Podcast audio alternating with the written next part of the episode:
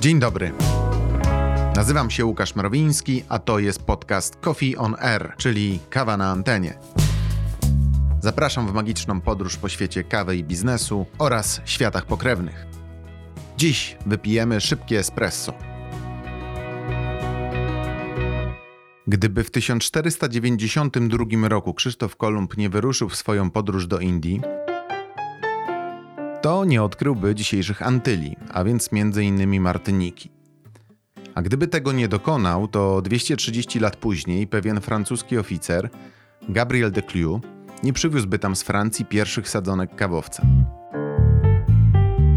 Gdyby kawowiec nie znalazł się na tej pięknej wyspie, to nie wiadomo, czy mielibyśmy dziś kraje producenckie kawy w Ameryce Środkowej i Południowej, a co za tym idzie, czy pilibyśmy kawę ze wspomnianych regionów.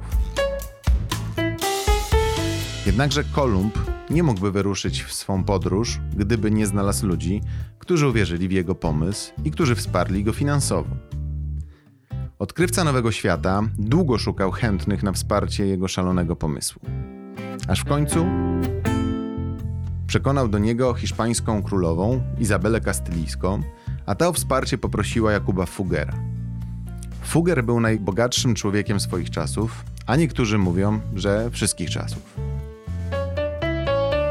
Ponoć, gdy porównamy siłę nabywczą pieniądza dzisiaj i wówczas, to jego majątek byłby wart więcej niż łączny majątek Bezosa, Gatesa, Buffetta i jeszcze kilku innych osób.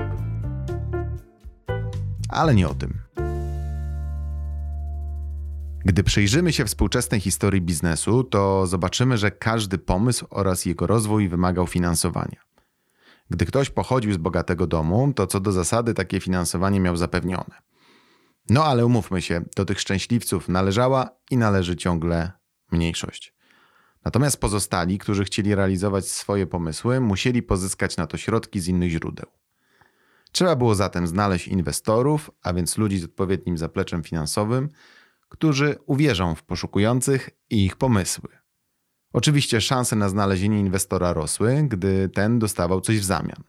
Co na przykład? Na przykład udziały w przedsięwzięciu, odsetki, ale także inne świadczenia. To często mogły być zapisy utworu muzycznego, książki czy bilety na koncert.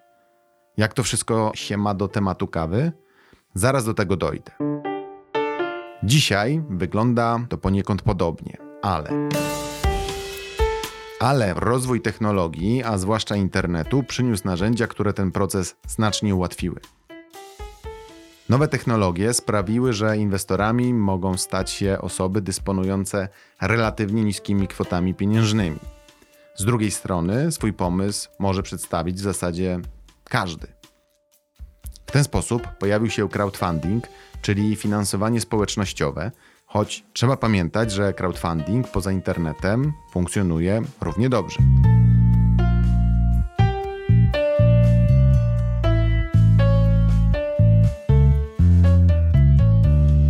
Za pierwszy projekt crowdfundingowy w internecie uznaje się sfinansowanie trasy koncertowej brytyjskiego zespołu Marillion. Było to w latach 90. Potem crowdfunding zaczął się rozwijać. Najpierw głównie wśród artystów, potem wśród mniejszego biznesu, a obecnie sięgają po niego nawet wielkie korporacje. Internet pomaga bowiem w prosty sposób połączyć świat potrzebujących i tych, którzy mogą pomóc. Co więcej, pomaga w dość prosty sposób pokazać swoje projekty, a potencjalni inwestorzy mogą te projekty obejrzeć w dogodnym dla siebie czasie. W pierwszych latach nowego tysiąclecia zaczęły pojawiać się specjalnie przystosowane do tego platformy internetowe. Wyglądem i mechanizmem działania przypominają one trochę sklepy internetowe. Po prostu wchodzimy na stronę, wybieramy spółkę, czytamy jej opis, wybieramy jaką kwotę chcemy zainwestować i tyle. Jednocześnie dowiadujemy się, co w zamian możemy otrzymać. I oczywiście dostajemy też informacje o ryzykach wynikających z inwestowania, jeżeli takie ryzyka występują. Crowdfunding stał się jednak dość szerokim pojęciem. Obejmuje on nie tylko projekty biznesowe, ale również wszelkiego rodzaju zorganizowane akcje, które mają na celu sfinansowanie jakiegoś projektu. Z jednej strony mogą to być projekty o charakterze kulturalnym czy społecznym, na przykład zbiórki na wydanie jakiegoś filmu, książki czy choćby podcastu. Z drugiej nawet projekty o charakterze politycznym, choćby finansowanie kampanii wyborczej kandydata na prezydenta. Często używa się również określenia crowdfunding dla projektów, które w zamian za określoną wpłatę pieniężną dają nam możliwość zostania wspólnikiem lub też akcjonariuszem określonej spółki. Ten ostatni model nazywany bywa też crowdfundingiem udziałowym, equity crowdfundingiem lub crowdinvestingiem. Oprócz samych udziałów lub akcji, spółka zazwyczaj dodaje również inwestorom określone benefity. Mogą to być zniżki na zakupy, limitowane serie produktów czy udział w specjalnie zorganizowanych dla nich wydarzeniach. No dobra, tak to w skrócie wygląda od strony samego celu i mechanizmu działania. Ale nie można zapominać również o bardzo ważnym aspekcie crowdfundingu, jakim jest tworzenie lub rozwijanie społeczności wokół danego projektu. Inwestorzy stają się klientami, a klienci mogą stać się inwestorami.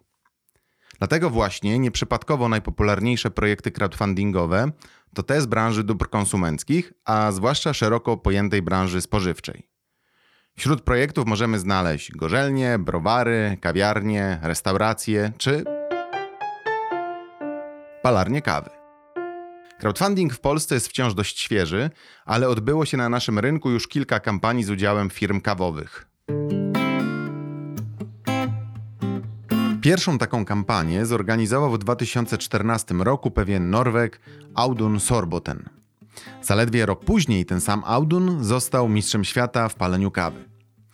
Audun po przeprowadzce z Norwegii do Polski postanowił sfinansować częściowo otwarcie swojej własnej palarni kawy właśnie poprzez crowdfunding. Co prawda kwota, jaką się starał, nie była wysoka, bo było to raptem 5000 zł, ale cel zrealizował z dokładką. Y, z kolei każda z osób, która brała udział w zbiórce, dostała od palarni jakieś świadczenie. Nie był to jednak crowdfunding udziałowy, bo żaden z finansujących nie został w zamian za wpłaty pieniężne wspólnikiem. Niemniej udało się zgromadzić wokół jakąś społeczność i zaistnieć szerzej medialnie. Druga kawowa kampania crowdfundingowa w Polsce została już przeprowadzona na dużo większą skalę, bo na kilka milionów złotych. Zorganizowało ją wrocławskie Etno Cafe. Etno Cafe to marka obejmująca palarnię kawy, sieć kawiarni i browar kawowy. Jeśli pojęcie browaru kawowego Ci intryguje, to jeszcze może kiedyś o tym opowiem. W każdym razie w zamian za wpłaty można było otrzymać nie tylko akcje, ale również różne pakiety benefitów. I były one zależne od wpłat.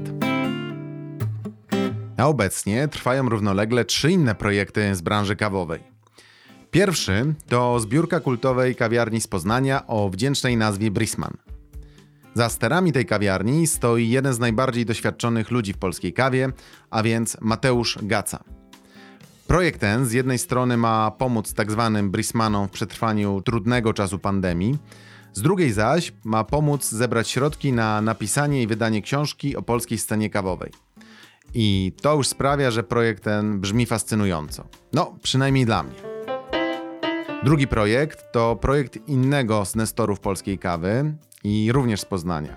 Leszek Odija, bo o nim mowa, zbiera wraz ze swoim zespołem środki na przetrwanie tego trudnego czasu, a w zamian oferuje szereg różnego rodzaju benefitów z własnej firmy.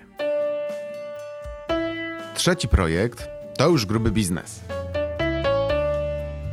Ma on na celu dynamiczny rozwój ponad 100-osobowej ekipy Coffee Desk i realizację ich planów ekspansji, zarówno tej krajowej, jak i zagranicznej.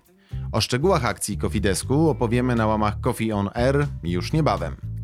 Natomiast o tym, jak na świecie wygląda crowdfunding, a zwłaszcza ten w branży kawowej, opowiem w kolejnym odcinku Espresso w ramach podcastu Coffee on Air. Zapraszam do subskrybowania na Spotify, Apple Podcasts, Google Podcasts i innych platformach podcastowych. Do usłyszenia, Łukasz Mrowiński, Coffee on Air.